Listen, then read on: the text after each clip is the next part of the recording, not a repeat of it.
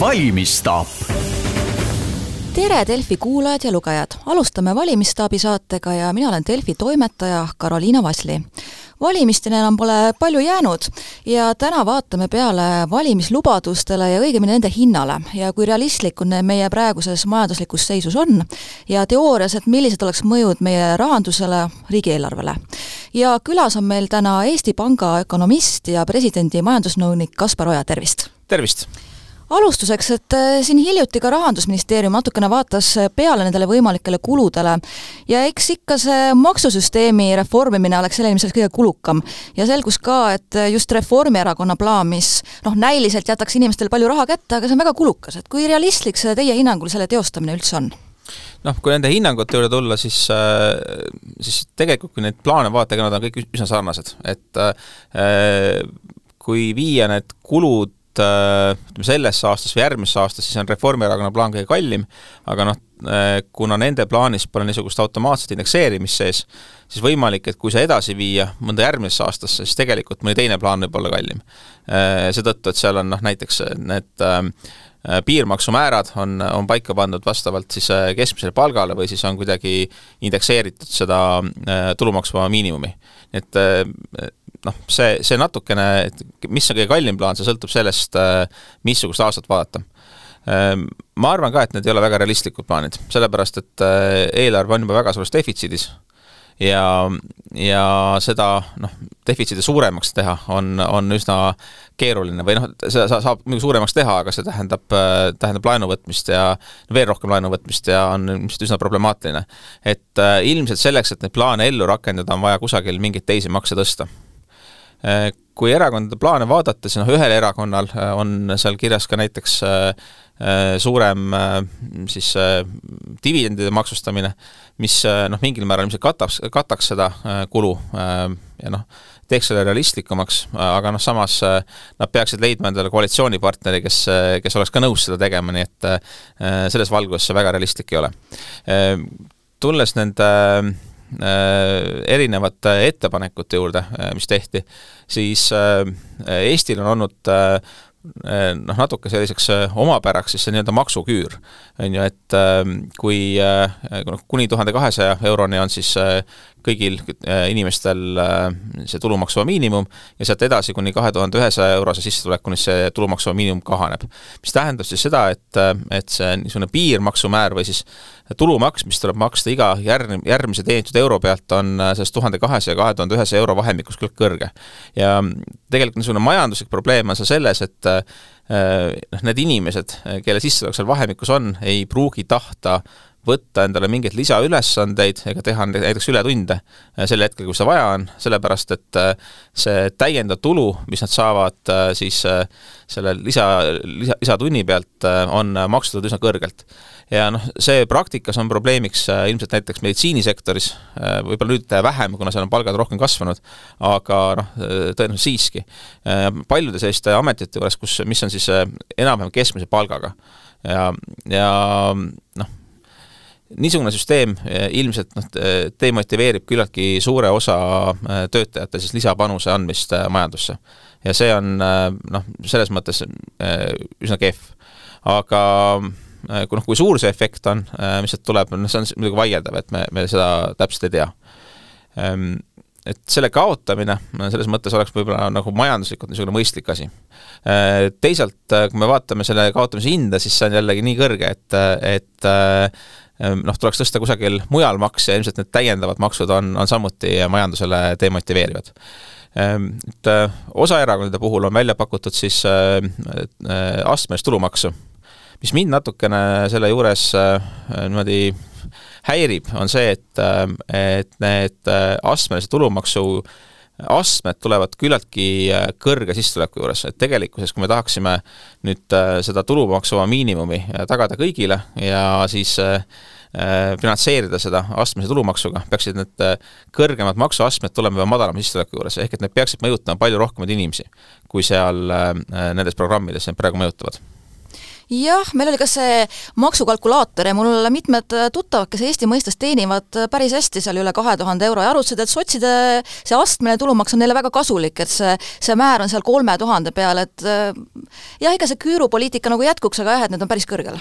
jah, ja noh, mida, keda nad mõjutavad, on siis nagu just nagu väga kõrge palgaga inimesed.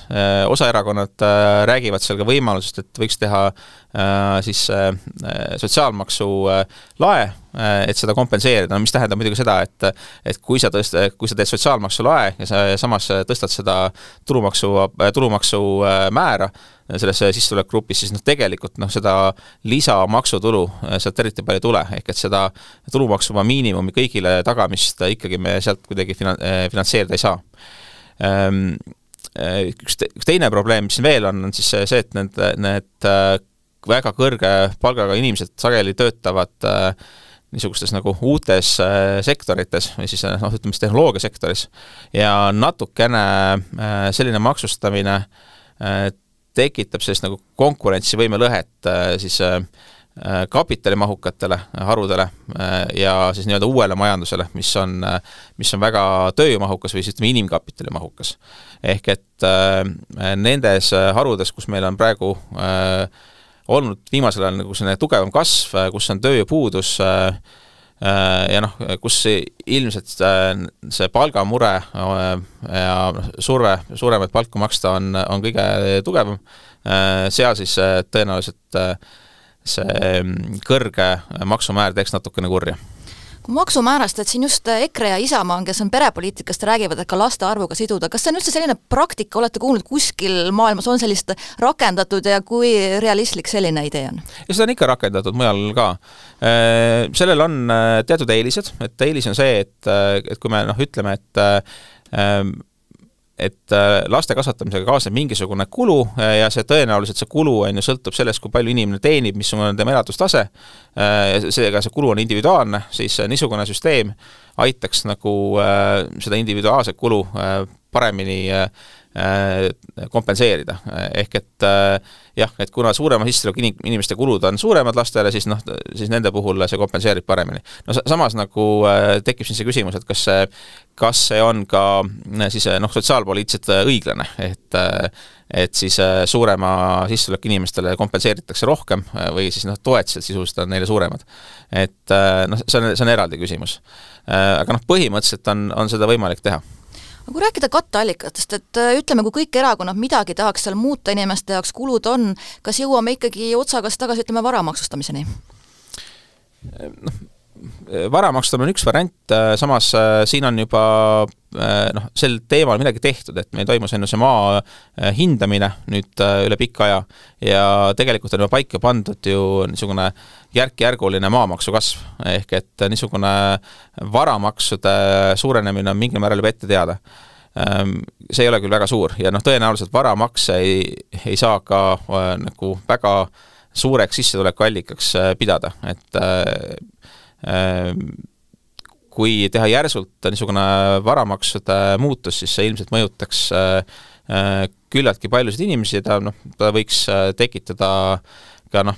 olukorras, kus on samal ajal ka intressimäärad kasvanud küllaltki palju ja kodukulud on suuremaks läinud, paljudel inimestel probleeme, nii et ma arvan, et see väga realistlik ei ole, et, et seal niisuguseid järske muutuseid teha.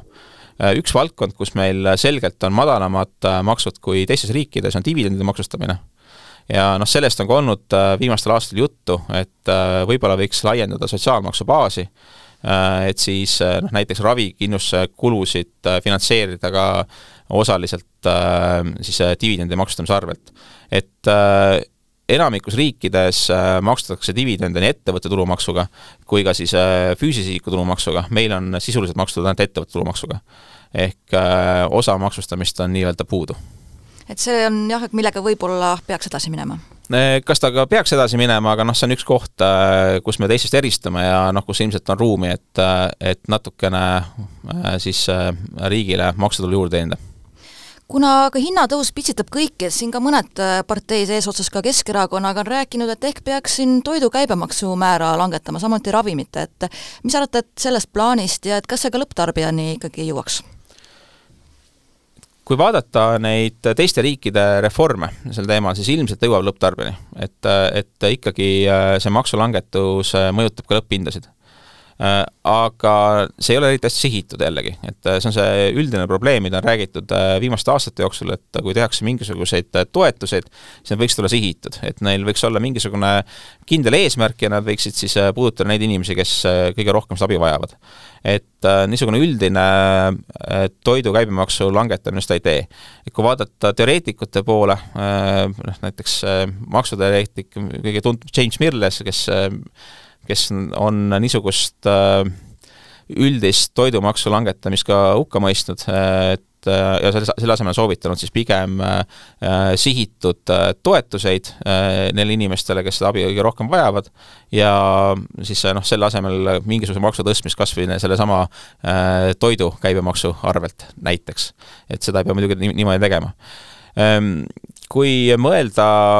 niisuguste majanduspoliitiliste mõjude peale veel äh, toidu käibemaksu puhul, siis ähm, äh, seal ilmselt üheks probleemiks Eestis äh, on ja saab järjest rohkem olema see, et meie kohalik toit on muutunud küllaltki kalliks võrreldes konkurentidega välismaalt. ja no on noh, selline täiesti reaalne oht, et Äh, hakkavad, hakkab siis see noh, välismaine soodsam pakkumine välja sööma äh, kohalikke tootjaid. Ehm, ma arvan, et kui mõelda selliste poliitikameetmete peale selles valdkonnas, siis võib-olla võiks pigem uurida seda, missugused on erinevad ettevõtlustoetusskeemid meie konkurentide juures välismaal ja vaadata, kas sarnaseid skeeme on mõistlik rakendada ka siin Ehm, samuti ma arvan, et äh, toiduhindade valdkonnas võib-olla tasuks tugevdada Konkurentsiametit, et äh, kontrollida seda, et millised on need äh, juurdehindlused ja kas need on alati kohalike ettevõtete suhtes ausad. et vaatasin ka nädalavahetusel siin toiduainete pakkumisi erinevates kauplustes ja jäi, jäi silma, et ühes ketis müüdi noh, vist umbes kuus viiskümmend äh, eurot kilo eest maksvat Poola võid. Ähm, ja kõige odavam Eesti või oli siis üheksa üheksakümmend vist samas ketis. et äh, ma tean Euroopa Komisjoni äh, andmetest, et, et Eestis on võitootja hind veidi kõrgem, kui on Poolas, aga see vahe nii suur ei ole eks see viitab sellele, et, et Eesti tootjale on siis kett pannud tõenäoliselt märksa suurema juurdehindluse kui Poola tootjale. aga mis selle põhjused võivad olla või et? Ehm, noh, e-, eks ilmselt seal on see küsimus, et nad, nad ostsid kusagilt äh, suures koguses seda Poola võid ja siis äh, tegid selle odava pakkumise, et saada endale, endale seda äh, klienti sinna kohale. ja võib-olla see Poola firma on äkki suurem, et talt on äkki lihtsam suurt kogust osta. Aga noh, jällegi see tähendab Eesti ettevõttele kehvemat konkurentsiolukorda. Ja noh, tema suhtes on see ilmselt ebaaus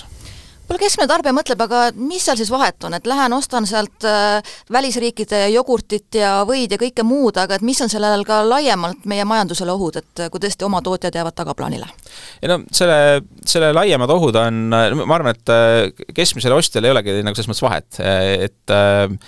see, see toiduaine on noh, tõenäoliselt suuresti sarnane, on teatud tootjate puhul olnud, olnud äh, küsimusi äh, ohutuse äh, koha pealt, on ju, mis nende, nende odavate tootjate puhul,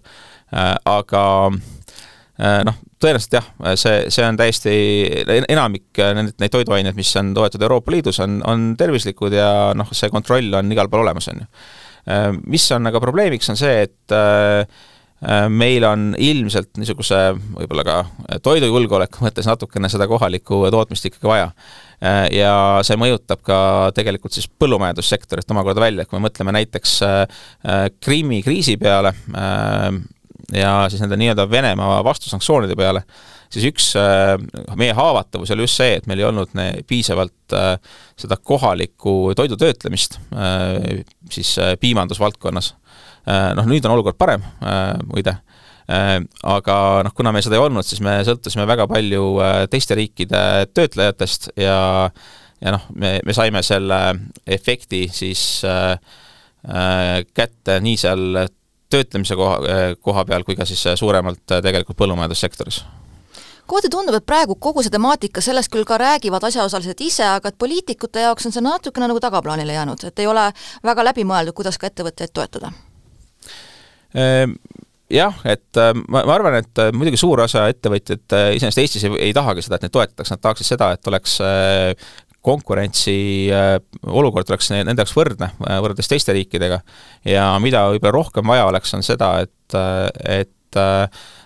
suurendada niisugust järelevalvet riik, riigiabi üle ja kontrollida, et need teiste riikide skeemid, mida rakendatakse, ei hakkaks tekitama meil mingeid moonutusi. Ja see tähendab tegelikult siis niisugust noh, portfelli pintsaku ja lipsuga tööd äh, kusagil Brüsseli koridorides, äh, et mis on äh, noh, oluliselt võib-olla teistsugune, kui me kui me ette kujutame niisuguse kohaliku majanduspoliitika puhul. Kui tulla nüüd jah, valimislubadusteni tagasi, et üks teema, mis kordub valimistest valimisteni, lubatakse ka pensionäridele suuri tõuse, mis on ka muidugi kulu ja siin räägitakse isegi, et võib-olla tuhat kakssada eurot kuus, et mis arvate, kuidas see meie majanduskliimas ja ka realistlikult oleks? Iseenesest on Eestis pensionid küllaltki väikesed, äh, kui me vaatame pensionide võrdlust võrreldes teiste Euroopa riikidega. ja selles mõttes niisugune pensionide kasv on äh, omal kohal, aga noh, kuna see ei tule praegu mingisuguse ette kogutud äh, raha arvelt, vaid see tuleb ikkagi finantseerida jooksvalt, noh siis selline pensionide kasv automaatselt peab tähendama ka mingisugust mingisugust, mingisugust maksutõusu aga mis sa arvad, mille taha see on jäänud, et tõesti, et meie ka pensionisüsteem, et ega need ei ole väga kõrged ja ikkagi pensionärid virelevad, et see on ka see, et teoorias lubatakse, aga on reaalne otsustamise koht, siis vaadatakse, et kus saab natukene juurde anda. Noh, si-, siin on mitu aspekti, et no üks asi on see, et see, et pensionärid võib-olla selline virelemine tegelikult noh, ei ole niisugust rahvusvaheliste uuringute järgi äh, üldse nii äh, äh, halb, kui, või noh, see olukord ei ole nii halb, kui võib-olla võiks nende pensionide põhjal arvata, sellepärast et Eesti pensionärid on võrreldes teiste riikidega, teiste riikide pensionärid kogunud endale elu jooksul küllaltki palju vara, et neile kodu on ikkagi enamasti enda oma ja seetõttu nende elamiskulud ei ole nii suured kui võib-olla mõnes teises Euroopa riigis. Teisest küljest see asi hakkab nüüd muutuma kuna neid inimesi, kes on elu jooksul kogu aeg üürinud, neid tuleb järjest juurde. Ehk äh, ja noh, kui jah, kui me vaatame neid äh, küsitlusi selle kohta, et kuidas inimesed hakkama saavad, siis äh, reaalselt siiani on Eesti pensionärid küllaltki hästi hakkama saanud. et noh, vaata seda, et millised olme, olmetingimused on, millised kodumasinad on inimestel olemas, siis, siis saadakse tegelikult küllaltki hästi hakkama. ja mis on Eesti eripäraks olnud, on see, et meie pensionid on olnud hästi kitsa jaotusega, ehk et neid, kes on nüüd äh, väga väikese pensioniga, neid on ikkagi äh, hästi vähe, et äh, küll aga noh, enamiku pensionäride pensionid on küllaltki väikesed. aga noh, need on võimaldanud siiani niisugust äh, äraelamist, aga noh, kindlasti kui elatustase kasvab, siis ka need nõudmised sellele või noh, soovid, ettekujutused, kuidas peaks saama hakkama, kindlasti muutuvad. Üks asi, mis on ka siiani väga palju Eesti pensionäre aidanud, on see, et inimesed on lihtsalt töötanud küllaltki kõrge eani. aga noh, äh, selge on see, et, äh, et kunagi saabub ka selline füüsiline piir, kus noh, ilmselt tervis ei luba enam inimestel edasi töötada ja tuleb ikkagi koju jääda ja see tähendab, see tähendab niisugust järeleandmist elustandardis. üks huvitav Äh, niisugune mõte, mis oli ühes valimisprogrammis, äh, mis mul silma hakkas, oli see, et äh, anda pensionäridele niisugust lisatoetust, mis on seotud eaga, ehk et siis alates sellest, kui on nad kaheksakümneaastased ja elavad üksi, siis saavad täiendavat toetust. Seda on ka mujal maailmas tehtud, et on antud mingisugust, no näiteks kodu küttekulude toetust sõltuvalt elueast Äh, idee on siis selles, et see toetus peaks olema võimalikult äh, vähe mõjutatav inimese enda töötamise poolt, ehk et see ei mõjutaks kuidagi töötamise motivatsiooni äh, ja selle sidumine seega vanusega tundub üsna selline loogiline. ja noh, selle, selle noh, niisugune võib-olla positiivne külg eelarve jaoks on ka see, et kui me seome selle kõrge vanusega, siis eh, noh, need summad loomulikult ei ole nii suured. Siin peaks aga läbi mõtlema nüüd selle, selle, kuidas niisugust toetust indekseerida. ehk et tõenäoliselt meie eluiga kasvab ja kui noh, täna on kaheksakümneaastaseid küllaltki vähe siis eh, noh, ma, arvan, et minu lapse, minu laste nagu tõenäosus kaheksakümne aastaks elada on väga suur ja, ja ka üheksakümne aastaks elada. ehk et tegelikult selliste toetuste puhul peaks hakkama läbi mõtlema seda skeemi, mismoodi neid eh, tulevikus siduda näiteks elueaga või siis kasvanud ka niisuguste füüsiliste võimetega, et, et jätkata töötamist aga mu mõelda, et väga palju muutis ka ikkagi see, et äh, teine pensionisammas läks vabatahtlikuks, mis mõjutab just ka siin võib-olla paarikümne, juba kolmekümne aasta pärast. et mis sa arvad, kas riik peaks kuidagi siin võib-olla ka ikkagi veel rohkem utsitama või isegi omapoolset toetust tõstma, et inimestel oleks motivatsiooni ka siiski ise koguda? Ma arvan, et äh, Eestis on tegelikult see äh, niisugune kogumisel motiveerimise süsteem küllaltki helde juba praegu, et et noh, see, see nii-öelda kaks pluss neli, et, et ise paneme kaks protsenti ja riik paneb siis nii-öelda neli juurde. Ehm,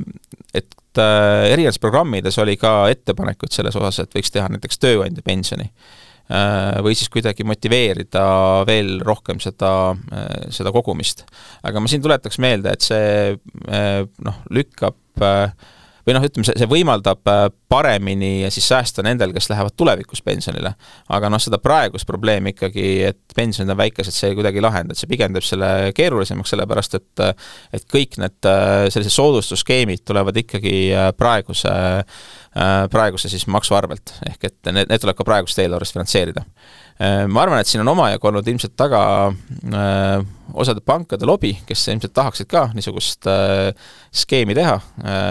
aga äh, tuleks äh, ikkagi põhjalikumalt läbi mõelda, mida need äh, skeemid reaalsuses tähendavad.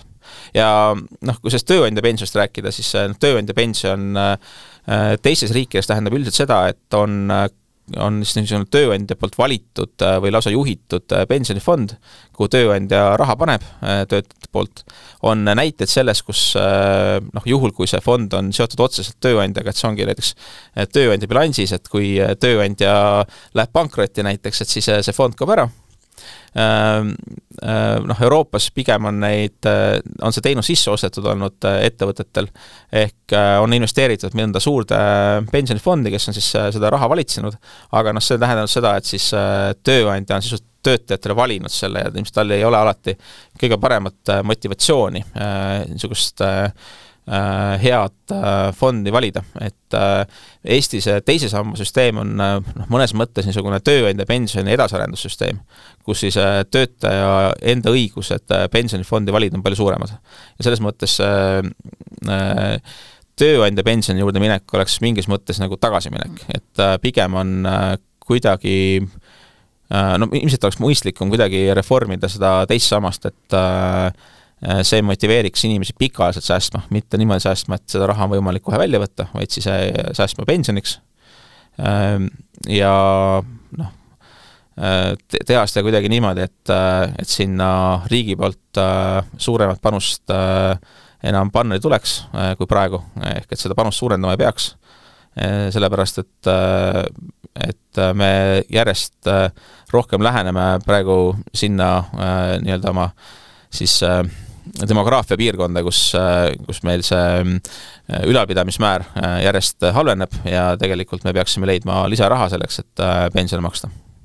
kui rääkida lisarahast ja üldse ka meie riigieelarve võimekusest, et palju on räägitud ka laenamisest, et kui palju meil on veel üldse ka ruumi, et selliseid lisakohustusi võtta või tõesti ka see, et maksumuudatustega teatud sissetulek riigi vaates kaob?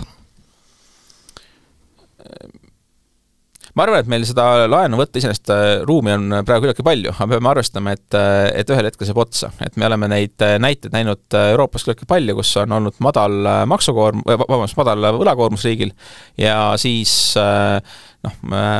kümne-kahekümne aastaga kerkib see väga, väga kiiresti ja seejärel tuleb leida lahendus, kuidas nüüd noh, olukorras, kus enam nii palju võlga suurendada ei saa, Äh, hakkama saada äh, kõrgemate intressimaksetega, noh, mida tuleb ka äh, siis maksude arvelt ja no teiste avalike teenuste arvelt kuidagi finantseerida. Ja, ja noh, sama, samal ajal enam siis täiendavalt nii palju kulutada ei saa, kuna tuleb eelarve saada tasakaalu lähemale. Et ma arvan, et see niisugune võla kasvatamine päris pikaajalises vaates ei ole hea plaan. teine vaade Eestile juurde, mispärast me võib-olla peaksime hoidma seda võlga väiksena, on see, et majandus on küllaltki väike, meie asukoht on, on ikkagi Venemaa piiri ääres, mis tähendab seda, et aeg-ajalt on investorid närvilised meie suhtes võib-olla mingil määral me nägime seda eelmisel aastal, aga noh, siis see lahenes ikkagi noh, küllaltki kiiresti. Äh, ja no see tähendab seda, et meil võib olla neid äh, situatsioone, kus meil on äh, vaja kiiresti laenu võtta ja nüüd olukorras, kui meil juba on see noh, valitsuse võlaseis küllaltki halb, on meie laenu võtmine tõenäoliselt palju keerulisem. see ei tähenda seda, et me üldse kusagilt raha ei saa, me tõenäoliselt saame kusagilt raha, et see koht, kus me saame, on IMF sellisel juhul Äh, mis tähendab seda, et äh, pannakse kokku mingisugune äh, programm meie jaoks, kus siis me peame muutma oma eelarvet, mingeid kulutusi vähendama vastavalt sellele, kuidas meile ette öeldakse, mitte nii, nagu me ise otsustame. ja ma arvan, et see ei ole niisugune hea lahendus. et kui mõelda mineviku peale, meie lähinaabrite peale, siis noh, näiteks Lätil oli ka väike võlakoormus enne suurt finantskriisi, aga neil juhtus ka olema panganduskriis finantskriisi ajal, mis tähendas seda, et neil oli ruttu raha juurde vaja ja see tähendas seda, et noh, olukorras, kus seda neile keegi eriti anda ei tahtnud, tuli kaasata Euroopa Komisjon ja IMF aga praeguses seisus, et vara, varasematel aastatel ikka räägiti, et riigieelarve olgu tasakaalus ja niimoodi, aga see ei ole praegu enam nii kivisse raiutud, et peab niimoodi olema? no kui vaadata neid äh, äh, kavasid, mis tulevad Euroopast nüüd äh, nende uute eelarvereeglitega seoses, siis noh, tõenäoliselt äh, äh, meie puhul on üsna võimalik, et äh, niisugust äh, tasakaalunõuet, nagu varem oli äh,, enam ei tule äh, ma arvan, et äh, niisugune teatav valits-, valitsuse eelarve defitsiidis hoidmine on täitsa võimalik ja ei olegi noh, tingimata üldse halb. et aga siin, siin tuleb arvestada, et äh, äh, me peame siis selle defitsiidiga tegema neid mõist-, neid kulutusi ka mõistlikult, ehk et, äh, et minu meelest on väga hea niisugune mõte olnud varasemalt, et me ei kuluta seda et laenuraha niisugusteks jooksvateks kuludeks, vaid me teeme sellest mingisuguseid täiendavaid investeeringuid, mis on tulevikus vajalikud selleks, et me saaksime tegelikult siis ise kuidagi tulevikus maksta kinni ka neid intresse, mis ikkagi selle laenu pealt tekivad. Et äh, väga vähe on juttu olnud äh, siiani sellest, et äh, selle võlaga kaasnevadki intressid ja noh äh,, äh, selle, selle nagu tegelikkus on see, on ju, et äh, kui meil on äh, vaja maksta eelarvest kinni neid intresse, siis me selle arvelt saame teha jällegi midagi palju vähem. et me saame maksta vähem pensioneid või me peame koguma rohkem tulumaksu selleks, et neid intresse lihtsalt maksta, see on, ja see on selline kulu, mis siis, mis siis lihtsalt äh, Äh, valitsuse eelarvele tulevikus tekib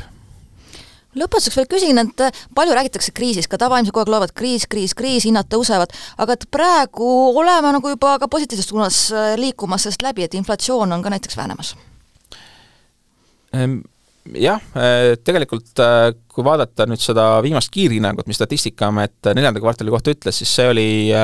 natukene parem kui võiks öelda, et olid need varasemad majandusprognoosid neljanda kvartali kohta aga noh, see on alles kiirhinnang, et meil tegelikke andmeid veel ei ole.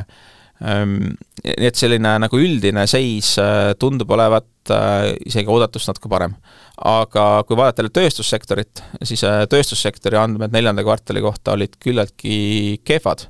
ja seal on praegu natukene veel raske mõista, mis seal taga täpselt oli. et võimalik, et kuna energiahinnad olid kõrged ja noh, olukord turgudel ei olnud äh, noh, enam nii hea, kui ta varem oli, siis osa ettevõtteid äh, lihtsalt äh, tegi pikema jõulupuhkuse ja seetõttu oli seda toodangut vähem. Kui see nii on, siis me peaksime nägema lähikuudel tööstuse tugevnemist, kui see nii ei olnud ja näiteks on probleemiks hoopis halvenenud konkurentsivõime, siis on meie probleemid ilmselt märksa sügavamad, et, et mõned niisugused Skandinaavia analüütikud on siin võrrelnud äh, Äh, meid ka juba Soomega, äh, kellel oli siis, siis äh, pärast suurt finantskriisi niisugune suhteliselt kiire palgakasv ja konkurentsivõime halvenemine, no mis tähendas seda, et neil oli päris tükk aega küllaltki aeglane majanduskasv ja sellest äh, kriisist väljakasvamine võttis äh, palju aega. no Eesti puhul muidugi noh, meil on palgatase üldiselt nii palju madalam kui Skandinaavia riikides, et noh, tahaks arvata, et niisugust probleemi meil ei teki ja noh, tootmine meil igal juhul jääb odavamaks, ka siis, kui palgakasv on küllaltki kiire. aga, aga noh, niisugune Äh, konkurentsivõime halvenemine kindlasti on üks äh, riskistsenaariumid meie puhul. jah, mida ka, ka poliitikutel meelde tuletada, et sellega tuleb tegeleda ja jälgida. igal juhul äh, suur aitäh tulemast ja arutlemast neil teemadel ja ka kuulajatele aitäh kuulamast! aitäh!